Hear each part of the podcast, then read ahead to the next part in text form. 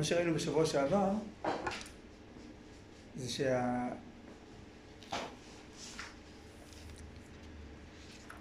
היצירה, כוח היצירה שבאדם הוא המבחן הגדול של עד כמה הוא מחובר למקור החיים. כי יש יצירה שנובעת מתוך אה, חיבור למקור החיים, או הוא, שהשם אומר לאדם, ויש יצירה שהיא כאילו חלופה, שהנחש מציע, וייתם כאלוהים. אומר רש"י, יוצרי עולמות, על פי המדרש. כלומר, תהיו אתם יוצרים, בלי קשר אליו. תהיו אתם, או במילים אחרות, תהיו אתם אלוהים. אמרנו, אלוהים זה ריבון, קובע. כמו נתתי לך אלוהים לפרעה. אז אה, תהיו אתם הקובעים, שזה שורש הניתוק, זה שורש המוות, שורש הקליפתיות. ואמרנו שזה כזה מורכב בגלל שבאמת האדם נועד להיות יוצר.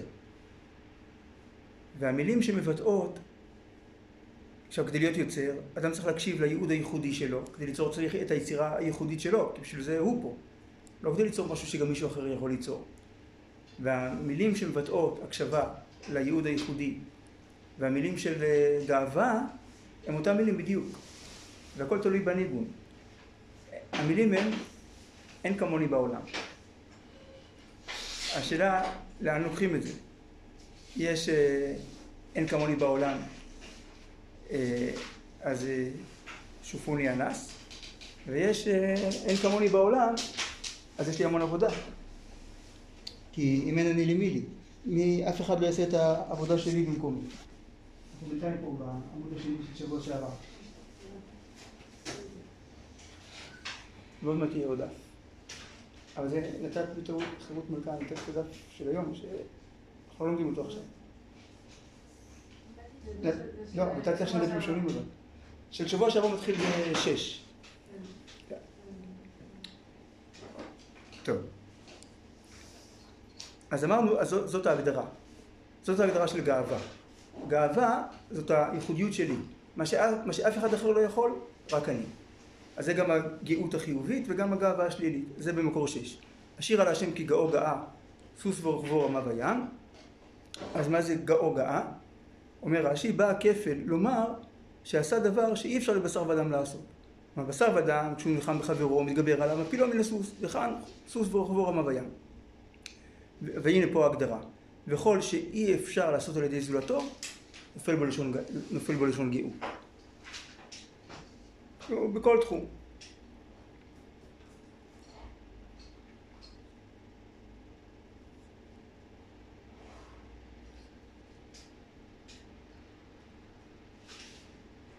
אז באמת מצד אחד, כמו שרבי צדוק אומר, שבמובן מסוים כל אחד, כל, כתוב ועמך כולם צדיקים, וצדיק יסוד עולם. במובן מסוים כל אחד מאיתנו הוא יסוד עולם. כי עם ישראל זה לא כמו איזה שידה שיש בה את המגירה העליונה, יש את המגירה התחתונה, זה כמו יהלום. מצולע שאפשר עם הרבה פאות, שאפשר להעמיד אותו על כל אחת מהן. ו... ועל כל אחת מהן בזווית מסוימת עליו עומד הכל. אז כל אדם חייב לומר בשבילי נברא העולם. כלומר יש היבט מסוים, יש הקשר מסוים, שבו העניין שלי הוא זה שקובע. וזה נכון לגבי כל אחד. אבל כמו שאמרנו, זו לא סיבה להתגאות במובן השלילי, אלא להכיר בזה שיש בי ייחודיות, אז מילא יש לי עבודה ייחודית. שהטוב שאני אביא לעולם, אף אחד אחר לא יביא. הנה, בדיוק כמו קבוצה שמציירת טבע דומה, לא יצאו שתי יצירות שוות לגמרי, כי כל אחד והעין שלו, הזווית שלו, הנגיעה שלו.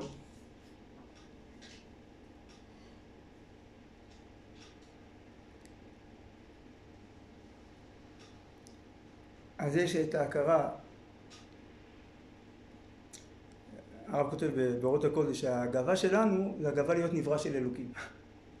כאילו אני כשלעצמי מה אני, אבל מי ברא אותי? כאילו למי אני שייך? מי הביא אותי לעולם? מי נתן לי שליחות? אז זאת ההקשבה.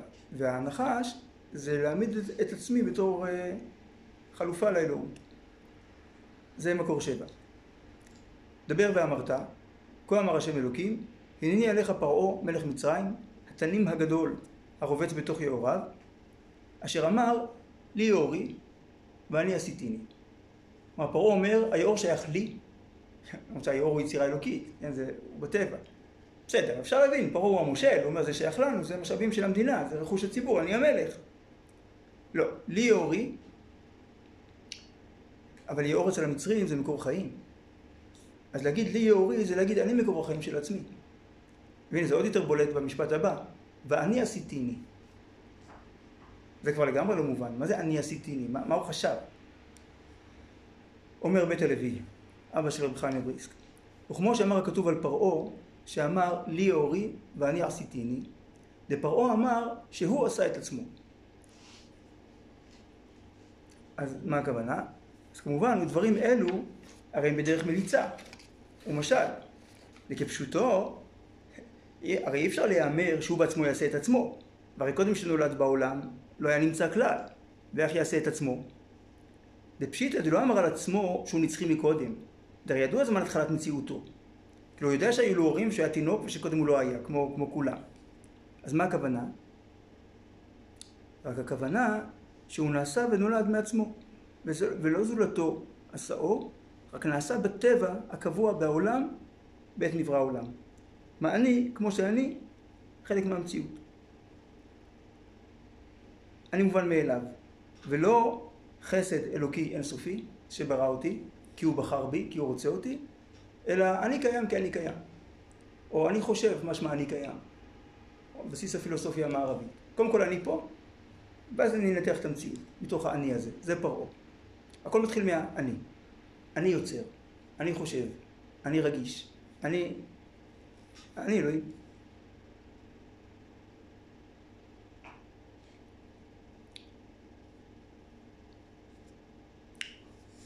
מה כן? עכשיו מכאן עד סוף הדף זה מה כן, היצירתיות האמיתית. אז איך כן יוצרים? הרי אמרנו, הנחש עולה, זה הרמאות של הנחש, הזיוף שלו, שהוא עולה על משהו אמיתי. אז מה זה הדבר האמיתי? אמר יש לקיש, כל המלמד את בן חברו תורה, מעלה עליו הכתוב כאילו עשאו, או כאילו הביא אותו לעולם. שנאמר, ואת הנפש אשר עשו בחרן, אברהם ושרה, הרי לא היו להם ילדים, אז מה הכוונה את הנפש אשר עשו? אלה שלימדו אותם תורה. רבי אלעזר אומר, כאילו עשאן לדברי תורה. כשאדם לומד תורה, הוא מעצב את התורה. לעשות זה, זה לעצב. כמו כתוב על אשת יפת תואר ועשתה את ציפורניה. מה הכוונה ועשתה? היא לא בוראת אותם, הכוונה היא מעצבת אותם. מלטשת. שנאמר, ושמרתם את דברי הברית הזאת ועשיתם אותם.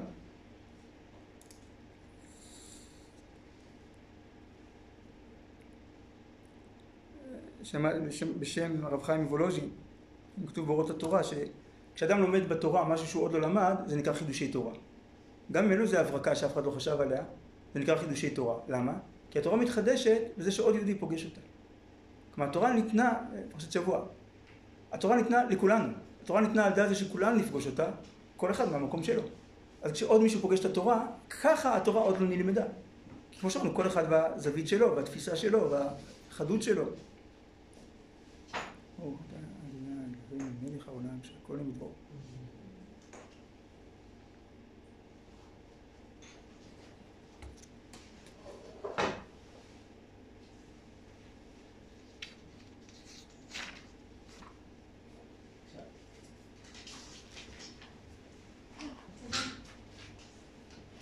התורה היא סיבת הקיום של העולם, היא נשמת העולם. הסתכל באורייתא וברא עלמא.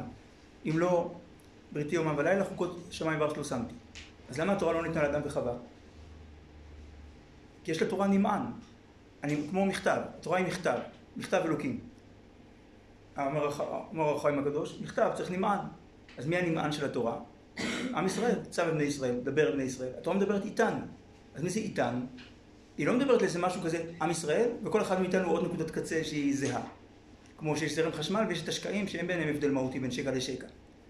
אלא כל אחד, התורה רוצה להיפגש עם הייחודיות שלו. כידוע, ישראל, ראשי תיבות, יש 60 ריבוע אותיות לתורה, כל אחד מאיתנו, הנשמה שלו, היא האות שלו בתורה. הדיוק שלו, החיבור המיוחד שלו, שאין כמוהו בעולם. אז כשאדם לומד תורה, לכן כל אחד צריך ללמוד תורה, ואי אפשר להגיד מה, יש גאונים, צדיקים, שהם ילמדו, הרי בכם אני לא כמותם, אז לא חבל על הזמן שאני אלמד. הם יבינו הרבה יותר טוב, יסבירו לי, למה גם אני צריך ללמוד בעצמי? כי התורה רוצה שגם אני אפגש איתה.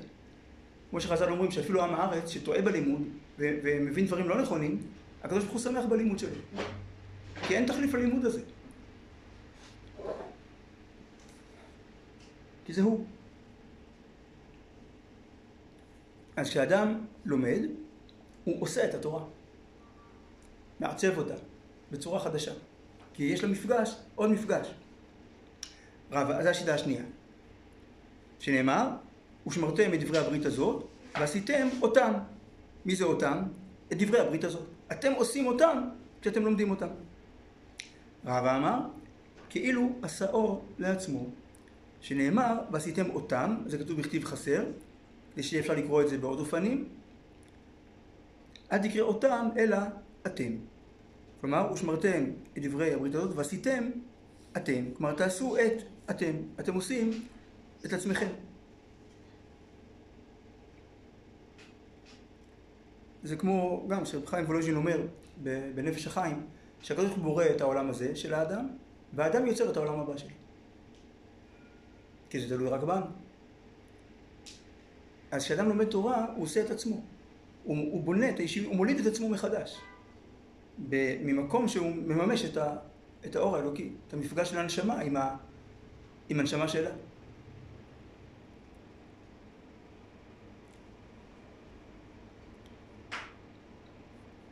אז זאת יצירתיות בתורה. ויש יצירתיות גם בעבודה, בעבודת השם. זה בחסידות. צדיק זה מי שעושה מה שצריך, מקיים את הדין. חסיד זה לפנים משורת הדין, שהוא מגדיל ראש, הוא חותר למגע. או במילים אחרות, הוא יצירתי. אומר הרמח"ל, שם בפרקי החסידות, והדבר זה, במקור תשע, והדבר זה נאמר, לעולם יהיה אדם ערום ביראה. מה הכוונה ערום? מתוחכם, יוזם, יצירתי. לדעת ולהתבונן דבר מתוך דבר, ולחדש המצאות, לעשות נחת רוח ליוצרו, בכל הדברים שאפשר להראות.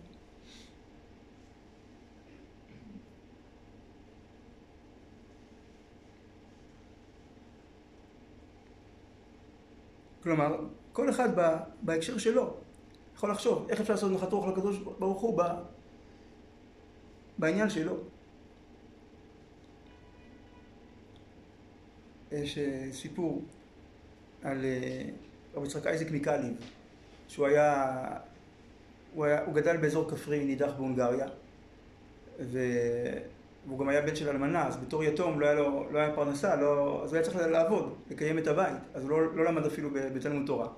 היה, אז מה אפשר, מה הילד כאילו בן 10-12, מה הוא יכול לעשות? הוא היה רואה אווזים, כאילו זה לא כזה מסובך. אז הוא היה מסתובב יחד עם רואי האווזים הגויים, והיה שר איתם את השירים שלהם, את השירי רועים, רק שהם היו שרים על החברה שלהם, והוא היה שר, במקום שהם אומרים את השם של החברה, הוא היה אומר שכינה, כמה הוא מתגעגע לשכינה, ועד היום שרים בקליף את השירים האלה בהונגרית, את השירי רועים האלה. ו... ופעם עברו שם שני תלמידים של אה, רב אלימלך מדיז'נסק, נדמה לי, ושמעו שהוא אומר, ריבונו של עולם, מה אני יכול לעשות בשבילך? ללמוד תורה אני לא יודע, להתפלל אני לא יודע, מצוות אני לא יודע לקיים. רק דבר אחד אני לא אגיד לך, אם היו לך אווזים, הייתי רואה אותם בשבילך בחינם. אז כשהם שמעו את זה, הבינו שיש לו נשמה קדושה, והלכו לאימא שלו, ביקשו ממנה שתשאיל להם אותו לכמה שנים, ו... והסכימה, והוא חזר להונגריה בתור האדמו"ר הראשון בהונגריה. האדמו"ר הראשון מקדיש.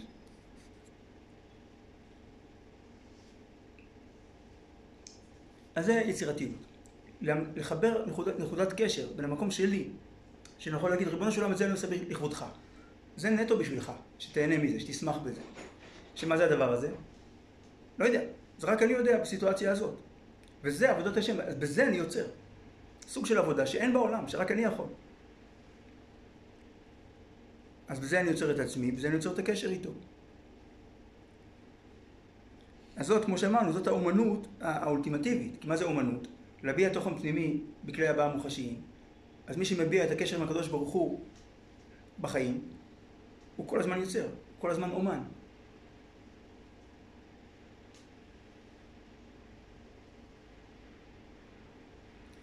אה, נראה לי את שני המקומות הבאים אז אמרנו, ב... אמרנו בעל פה, כל דיין שדן דין אמת לאמיתו. זוכרים שדיברנו על זה? טוב, צריך לחזור בכל מקרה. כל דיין שדן דין אמת לאמיתו, אפילו שעה אחת, מעלה עליו הכתוב כאילו נעשה שותף לקדוש ברוך הוא במעשה בראשית. גם פרשת שבוע, כתוב משה רבנו, שהוא מבוקר עד ערב, אז הוא אומר איך זה יכול להיות שכל היום הוא דן, אבל לא, בעצם זה שאדם דיין, אז כאילו נעשה שותף לקדוש ברוך הוא במעשה בראשית. איך אפשר להיות שותף של הקדוש ברוך הוא?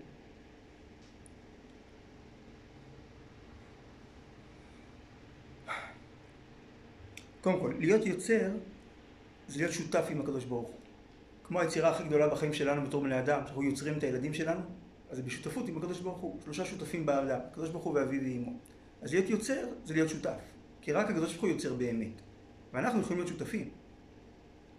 אז דיין הוא יוצר, כי הוא דן דין אמת לאמיתו. מה זה אמת לאמיתו? הגר"א אומר, מה הכפילות בביטוי? היה מספיק לומר כל דיין שדן דין אמת, או את הדין לאמיתו.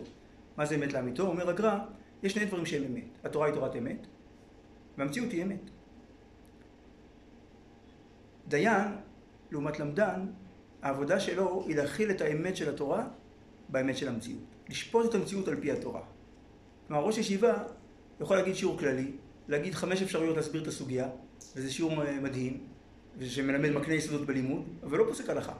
שואלים אותו, מה למעשה? לא, לא יודע. לא קשור לשיעור. אבל דיין אין לו את הפריבילגיה הזאת להשאיר דברים בצריך עיון. דיין צריך לפסוק הלכה למעשה. אז בזה הוא שותף לקדוש ברוך הוא. למה? כי איך הקדוש ברוך הוא ברא את העולם? מסתכל באורייתא וברא עלמא. מה עושה דיין? מסתכל בתורה ובורא את העולם. קובע את המציאות, ככה צריך, ככה אסור, אתה חייב לו. אז בזה הוא נעשה שותף לקדוש ברוך הוא במעשה בראשית. אז זאת היצירה. עכשיו, כל אחד מאיתנו הוא דיין. כי כל אחד מאיתנו פוסק לעצמו המון פסקים כל יום. מה נכון, מה צריך, מה עכשיו, מה לחשוב, מה להרגיש.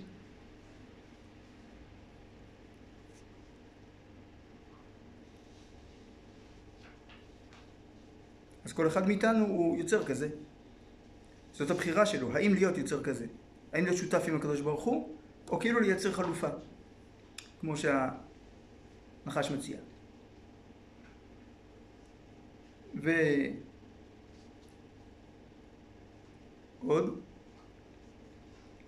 עוד, שותפות. כל המתפלל בערב שבת ואומר ויחולו, מעלה עליו הכתוב כאילו נעשה שותף לקדוש ברוך הוא ממעשה בראשית.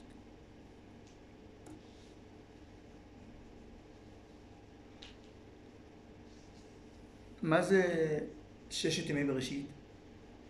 כאילו זה שש משהו, כי, כי זה ששת. אבל מה זה, שש, מה זה שישה ימים? כאילו בטוח שזה לא שש כפול עשרים וארבע שעות, כי השמש והירח בעצמם נבראו רק ביום הרביעי. אז איך היו ימים קודם? אבל מה כן? שש ימי בראשית הם שישה גוונים של טוב, של הופעת הטוב האלוקי. עצם הבריאה מתחילה מזה שיש טוב. טוב זה משהו שיכול להכיל את מגמת ההטבה האלוקית. בראשית ברא אלוקים את השמיים ואת הארץ, בינתיים הכל בסדר. הפסוק השני מתחיל להסתבך. בארץ את התוהו ובואו וחושך את פני תהום, ורוח אלוקים מרחפת על פני המים. מה יש בזה תנועתיות אלוקית שמזיזה את הכל, אבל טוב ובואו וחושך. פסוק הבא, ויום אלוקים יהי אור ויהי אור. אוקיי, אז יש אור, אבל גם יש חושך, וגם יש טוב ובואו. בפסוק הבא הבריאה מתחילה. והרי אלוקים את האור כי טוב, והבדל אלוקים בין האור ובין החושך, ויקרא אלוקים לאור יום ולחושך אחר לילה, וערב ובוקר יום אחד. ומתי הבריאה מתחילה? כשיש משהו שהוא טוב. כמו שיכול להכיל, הוא כלי שיכול להכיל את ההטבה האלוקית. וזה הסיכום של כל יום. והרי אלוקים כי טוב, וערב הבוקר יום רביעי. והרי אלוקים כי טוב, וערב הבוקר יום חמישי. זאת אומרת, ששת ימי בראשית הם שישה גוונים של הופעת הטוב האלוקי. הטוב האלוקי שבכוכבים, הטוב האלוקי שבצמחים, הטוב האלוקי שביבשה, הטוב האלוקי שברמסים ובעופות. כל יום והוא עוד טוב, עוד משהו, עוד כלי שמכיל טוב אלוקי. יום השישי, סיכום שבועי, הציון עולה. והר אלוקים את כל אשר עשה, והנה, טוב מאוד. עכשיו זה כבר יותר מטוב, עכשיו זה טוב מאוד. כי כשמסתכלים על הכל, אז גם דברים שבהקשר המקורי לא נראו טוב, אבל אם אתם רואים את כל התמונה, אז יותר מטוב, זה טוב מאוד. טוב, אז והיה אלוקים את כל אשר עשה, והנה טוב מאוד, וירא ויבוקר יום השישי, ויחולו שמיים וארץ וכל צבאם, ויכל אלוקים יושבים במקום שעשה, וישבור אלוקים יושבים במקום שעשה, ויברך אלוקים את יום השישי ויקדש אותו, כי יבוא שבת מכל מחתו אשר אלוקים לעשות, איפה טוב? שבת זה היום היחידי בבריאה שלא כתוב בו טוב. אז איפה הטוב של שבת? מזמור של יום השבת, טוב להודות להשם. מה זה להודות? הרב קוק אומר בעולת ראייה, על מודה אני, שלהודות זה שני דברים, זה גם להכיר בטוב, תודה שנתת לי, ולהודות זה גם להכיר באמת. אתה מודה שכך וכך? מודה. מה אומרת מודה? מקבל שזאת האמת. אז מה זה טוב להודות להשם? להכיר בטוב ולהכיר באמת. אז שישה ימים זה שישה גוונים של הטוב שמהבורא אל הבריאה, ושבת זה היום שמשלים את המעגל, סוגר את המעגל שאנחנו מכירים בטוב האלוקי, ומודים עליו, ומודים בו, שמחים בו. אז מי שאומר ויכולו, הוא נהיה שותף. למה? כי הוא מאשר את זה, בזה שהוא אומר תודה, אני מכיר בזה. כי הבריאה נבראה בשביל ההדדיות הזאת שבין הבורא לברואים.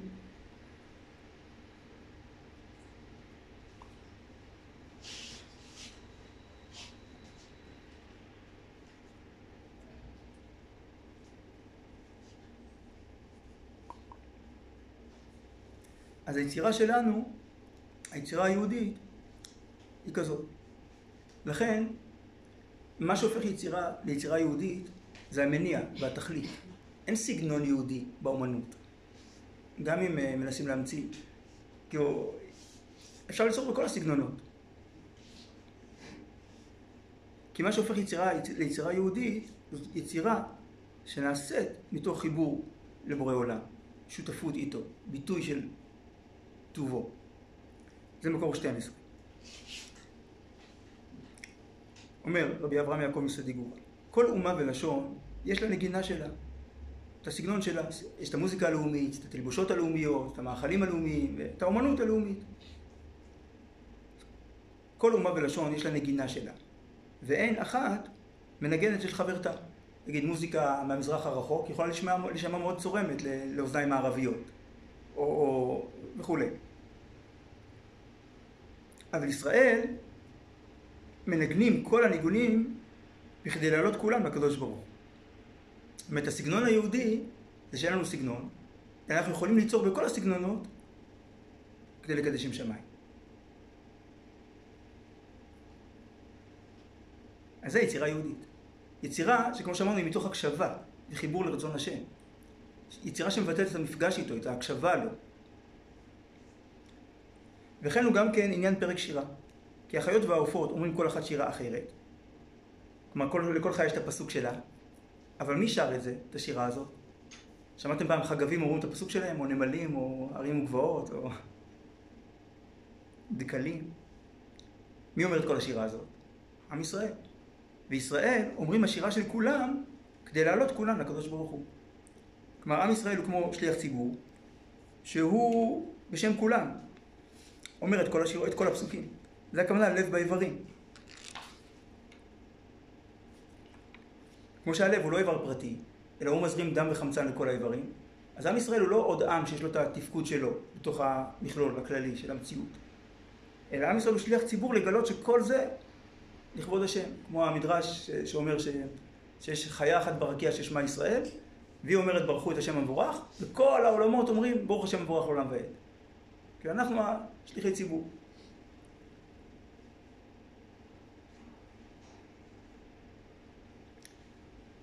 אז זה התכלית של הבריאה, שנהיה יוצרים איתו, שנהיה יוצרים לכבודו. נכון, ככה מקימים בית בישראל, חיים חד... יצירה חדשה, שהכל ברא לכבודו. זו הברכה הראשונה שהיא ברכת הנישואין, שכל זה לכבודו. וגם בקידושין, תראו במקור 13. ושמעתי, ושמעתי בשם הרב המגיד, מורנו ראינו הרב מנחם, כלומר מנחם בן מיטבסק, פירוש הש"ס, היי עלמא כבי הילולה דמיה. זאת אומרת, העולם דומה לחתונה, אומרת הגמרא. אפשר להגיד בזה כמובן הרבה פירושים. הפירוש של אה, פרי הארץ, שיש בהילולה כמה הכנות וכמה טרחות, ועיקר הכל, שיאמר החתן להקלה, הרי את מקודשת וכולי. הרי כל זה, צלם ותזמורת ושמלה וכל. ואולם, כל הסיפורים זה בשביל משפט אחד. שאם הוא לא ייאמר, לא היה כלום. מה המשפט? ארץ מקודשת וכולי. זה תמצית הכל. ובזה, במשפט הזה, גם כן יש עיקר ושורש הכל. מה המילה הכי חשובה? תיבת לי. פעם הייתי בחתונה שהחתן שכח. הוא אמר, ארץ מקודשת בטבעת זו, כדת משה, אז קודם כל לי. זה המילה העיקרית. שהכל באמת לי, לי האמיתי. זה תכלית הכל, המילה הזאת. כך, בעניין העולם הזה. כל הכנות וטרחות, כל הכנות וטרחות, כל בריאת העולם, כל המורכבות של כל העולם, ותכלית הלימוד והמעשים, שיזכה לדבקותו יתברך. לקיים מה שנאמר, ובו תדבק. וזה העניין לי, של הריית מקודשת.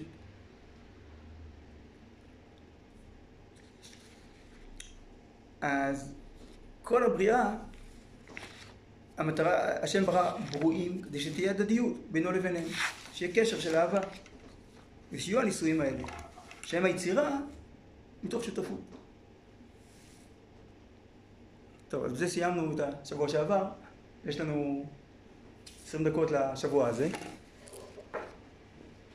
זה עוד, אה, עוד נושא בסיסי.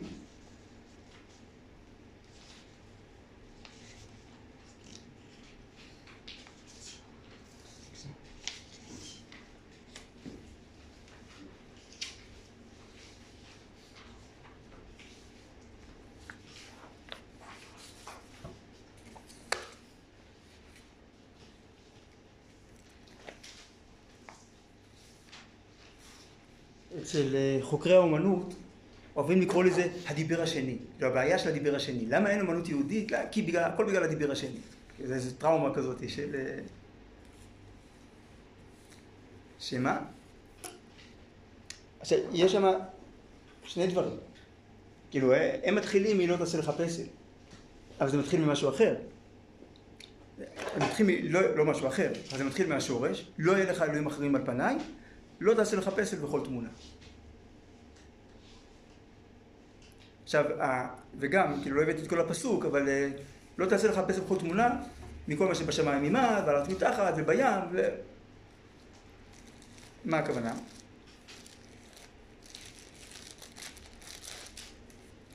אז אומר המהריל דיסקין, לא תעשה לך פסל וגומר, אה, בשמיים ממעל, וגומר אשר במים מתחת לארץ. וקשה. למה חשב כל הדברים האלה? כאילו, למה צריך כזה פירוט? כאילו, היה אפשר לומר, אל תעשה פסל, נקודה.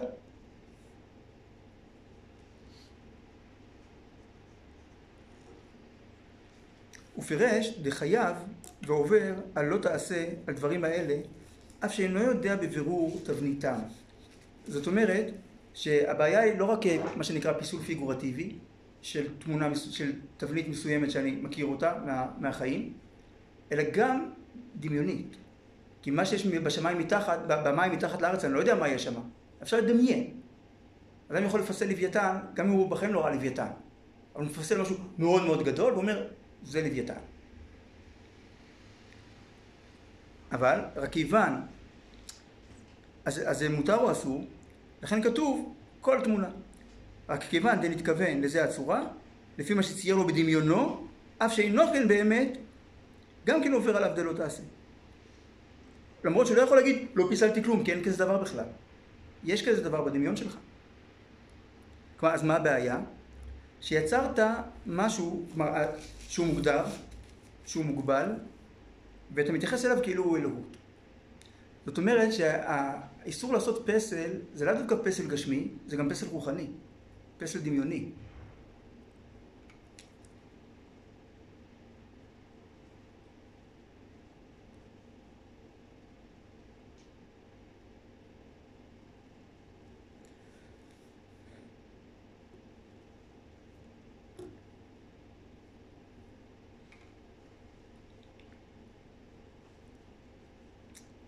הפנים יפות הוא מתלמידי המגיד ממזריץ, אח של רב שמעון קימל ניקלסבורג, שהמגיד שלח אותו להיות רב בפרנקפורט. הוא בא לפלאה והמקנה על קידושין וכתובות. לא תעשה וגומר אשר בשמיים ממעל וגומר. עניינו לפי פשוטו, ומה שאמר הנביא, ואל מי תדמיוני ואשווה. יאמר קדוש. כי בדבר שיש לו גבול, יימצא כנגדו דבר גדול ודבר קטן. כי הגדול הוא מחציתו, והקטן הוא שליש, או רביע ממנו. זאת אומרת, כשמדברים על משהו שהוא מוגבל, אז אפשר, מעצם זה שהוא מוגבל אפשר למדוד. זה הכי גדול שיש, וזה רבע, וזה חצי, וזה מאית. אבל אפשר למדוד אותו. יש, יש סקאלה. אבל השם יתברך, אשר אין לו סוף ואין חקר, לא יימצא כנגדו דבר גדול ודבר קטן. כלומר, ביחס לאינסוף, הכל שווה. כי הכל כעין נגדו, וכאפס נחשבו לו. כאומרם, השווה ומשווה קטון וגדול. וזה שאמר, ולמי תדמיוני שיעלה הדמיון נגדו, ש, שיעלה הדמיון נגדו. כלומר, למה אפשר לדמות? כי לדמות זה, זה ליצור יחס. ו, ומול האינסוף אין יחס. הוא לא יותר גדול מי, הוא אינסוף. אז, אז לכן זה הפסוק, ולמי תדמיוני ואשווה. מה, למי תדמיוני ואשווה. שהכל שווה נגדו, לכלום. והיינו דאמר, יאמר, לכן אה, בעל התניא אומר, שזה העניין של השתחוואה. איך, נרא, איך נראתה ההשתחוואה בבית המקדש? פישוט ידיים ורגליים. מה שאדם מלוא, שרוע על האדמה לגמרי.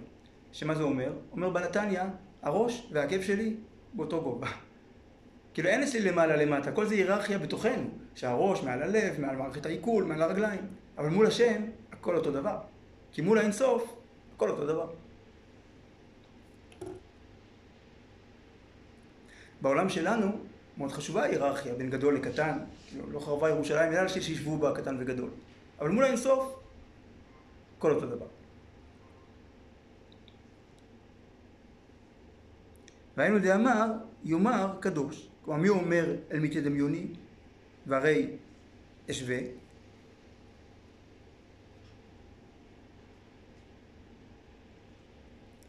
יאמר קדוש, שהוא קדוש, הוא מובדל מכל.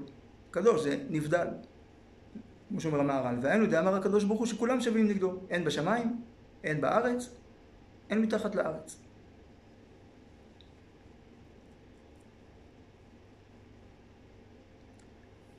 אז הבעיה היא בעצם הדימוי.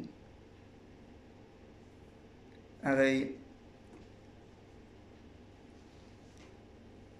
כל האומנות בנויה על דימויים. הרי נגיד, אין פה בית, אין פה עצים, כן, בתמונות שעל הקיר, כי זה, זה רק אה, שמן על בד, אבל זה דומה. מה זאת אומרת דומה? בדמיון שלנו הקווים האלה מזכירים לנו אסוציאטיבית בית, מכונית.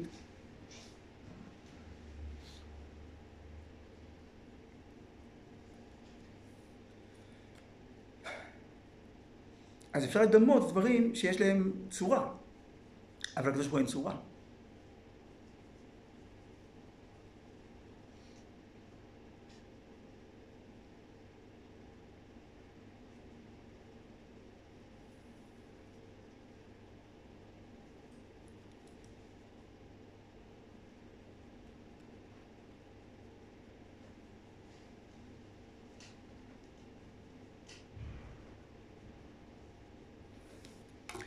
מה שלמדנו עד עכשיו בעניין הזה, שאומנות יהודית היא מבטאת את החיבור לאינסוף.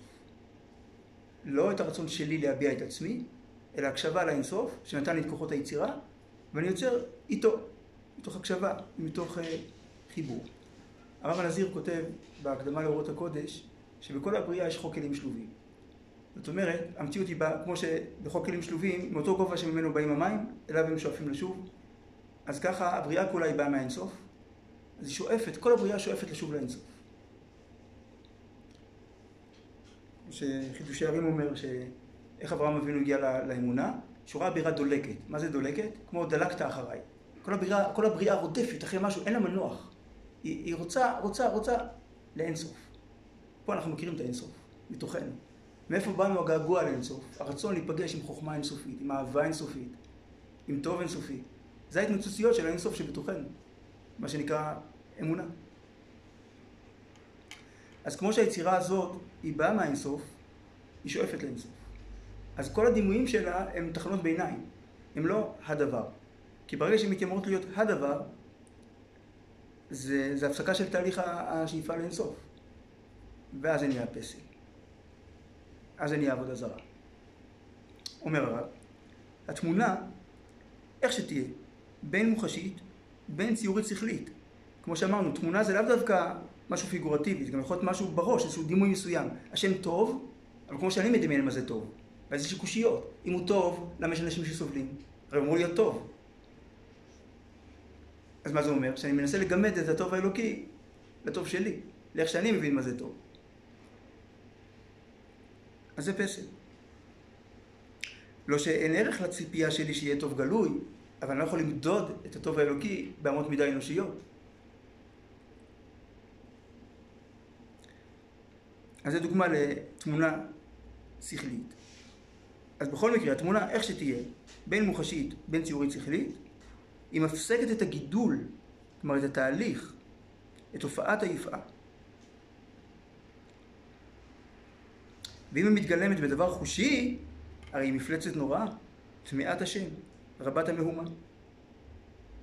וכשהיא מתדבקת באיזו דבקות כלשהי בהתוכן הרעיוני, אז שוב, כשהתוכן הרעיוני גם נהיה מוגבל בציור מסוים של זה יראת שמיים, זה דבקות, זה אמונה, הרי גם כן משבתת את הטוהר ונוטלת את זיו החיים של עוד הגבורה של מעלה, מופיע בעולם, בנשמות, בעולמות ובכל סדרי הזמנים. למה? כי מגבילים אותה. אז לא יכול, אז כבר אין את הנביאה המקורית. כשאדם מצפה, זה כמו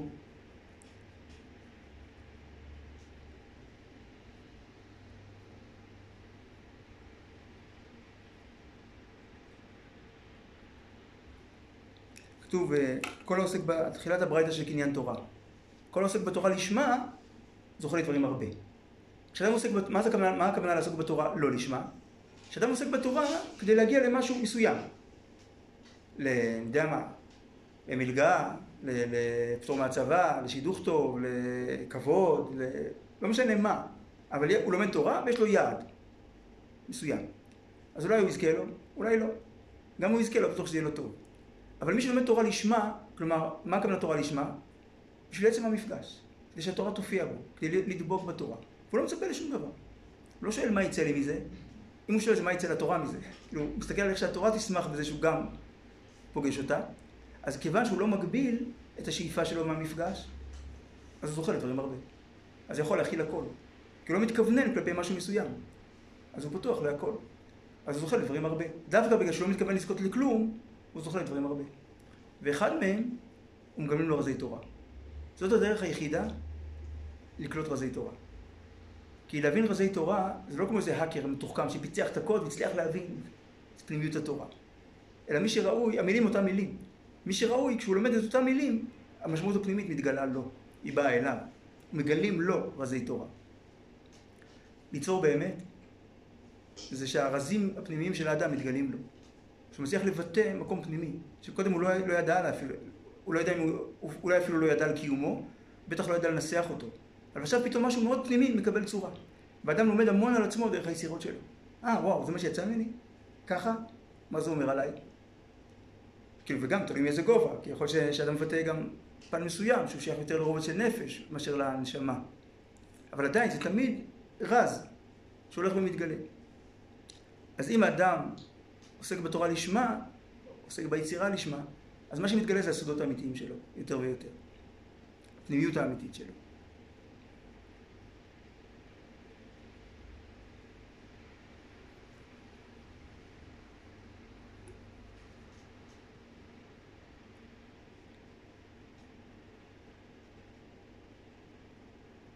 אז איך דבקים בהשם?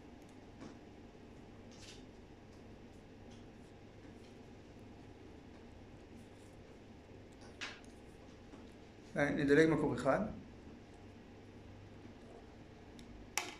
אה, אני רוצה לסיים בטוב. אז נדלג מקור אחד. עיקר האמונה. מה זה אמונה? עיקר האמונה היא בגדולת שלמות אינסוף. שמה זה אומר? שכל, שני שלבים. שכל מה שלב א', שכל מה שנכנס בתוך הלב, מה שאני מסוגל לקלוט ולהרגיש, הרי זה ניצוץ בטל לגמרי לגבי משהו, מה שראוי להיות משוער. מה שאני מבין וחש כרגע בנושא הזה של אמונה, זה ניצוץ ממה שבאמת ראוי להיות משוער. זה שלב א'. שלב ב' הוא מה שראוי להיות משוער, כלומר האמונה הכי עמוקה של יציר נברא הכי עמוק, אינו עולה כלל בסוג של ביטול, כלומר בעברית שלנו ביטול זה לא, זה לא מילה, לגבי משהו באמת. כמו שאמר הפנים יפות, אין, אין מה לדמיין. כי כל דמיון מעצם היותו מקטין, מגביל. אז, אז אומר הרב, אם אומרים על דבר הטוב, כלומר קוראים לאלוקים הטוב, מקור הטוב, או על דבר האמונה והאלוהות, כל, כל, כל השמות שמנסים לקרוא לאמונה, הכל הוא מה שהנשמה כוספת במקור, במקוריותה למעלה מן הכל. כלומר זה רק קריאת כיוון למשהו שאין לו שם, שהוא, לא, שהוא באמת לא מוכל בכלום. גם כל השמות והכינויים, כן, שאומרת שם השם, זה לא השם, זה שם השם. אז אינם נותנים כי הם ניצוץ קטן וכהה מאור הצפון שהנשמה שוקקת לו ואומרת לו אלוהים. כל הגדרה באלוהות, כלומר כל משפט שמתחיל במילים אלוהים הוא, זה כפירה.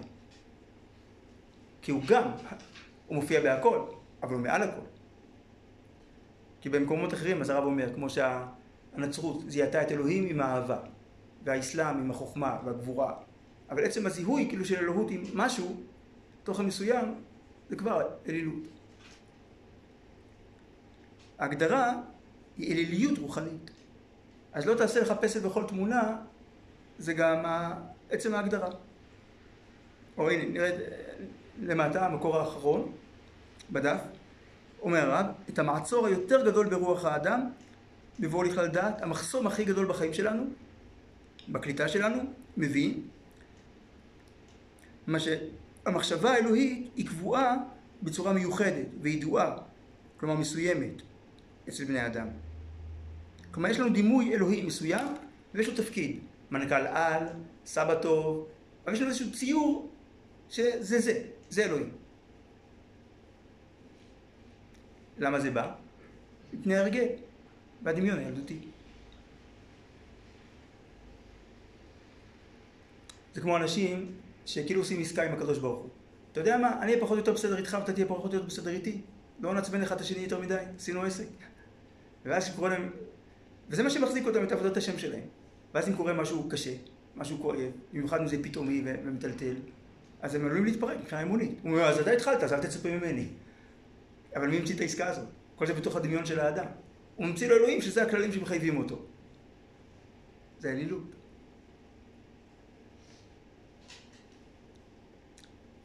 טוב, מה כן?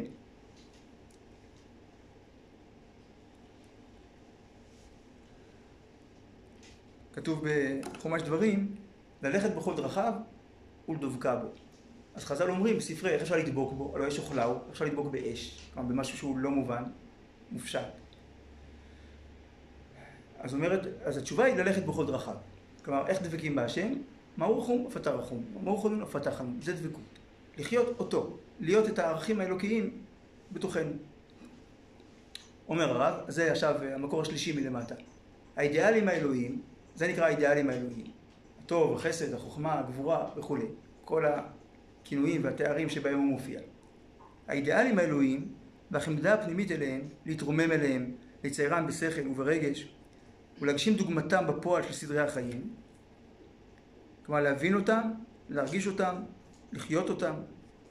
הם הינם תולדותיה של המחשבה המבוקרת, כלומר הבשלה, כמו ביקורים, הלא ילדותית. אמרנו שתפיסה ילדותית, אז היא דמיון מסוים של אלוהים. אחרי זה כשאדם מתבגר, הוא אמור להבין שמה שהוא הבין זה בטוח לא, ואין לו מה כן במקום זה, אלא לעילא ולעילא מכל ברכתה ושירתה ושבחתה מלחמתה למרן בעלמא. הדבר הכי מובן זה שאנחנו לא מבינים. לכן אומרים אין סוף. כי ברגע שאומרים מה כן, אז יש פיוז, כאילו יש קצר במוח, הפיוז קופץ ונהיה חושך. כי אי אפשר להגיד, אי אפשר לחשוב, אי אפשר להרגיש אין סוף. אפילו מילה אין סוף זה מה לא, לא מה כן. אבל, אבל, אבל הקדוש מתגלה אלינו. אז אני יכול לפגוש אותו בצורה שבה הוא מופיע כלפינו. כי אני רואה במציאות את ההתגלות שלו בחוכמה, בחסד, בגבורה וכולי. אז כשאני דבק בדרכיו, הולך בדרכיו, זאת דבקות אמיתית. והתפיסה הזאת של המחשבה המופקרת של עילויה אין קץ ותכלית. למה? כי תמיד אפשר, יש חוכמה ויש עוד יותר חוכמה, יש טוב ויש עוד יותר טוב. יש גבורה, כאילו כל המידות האלוקיות הן כאלה שהן באמת אינסופיות. אז תהליך המפגש עם הקדוש ברוך הוא, האמיתי, התהליך האמיתי של מפגש עם הקדוש ברוך הוא, הוא אינסופי בהגדרה.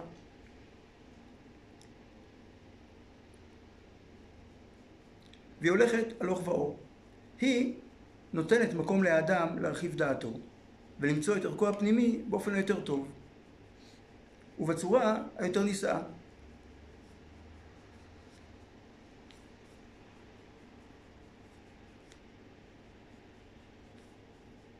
היא הולכת ומאירה לו תמיד באורה אחר אורה, ממגמה רוממה לרמה ממנה, ומדיעה נישא ונשגב ליותר נישא, עד אין קץ ואין תכלית.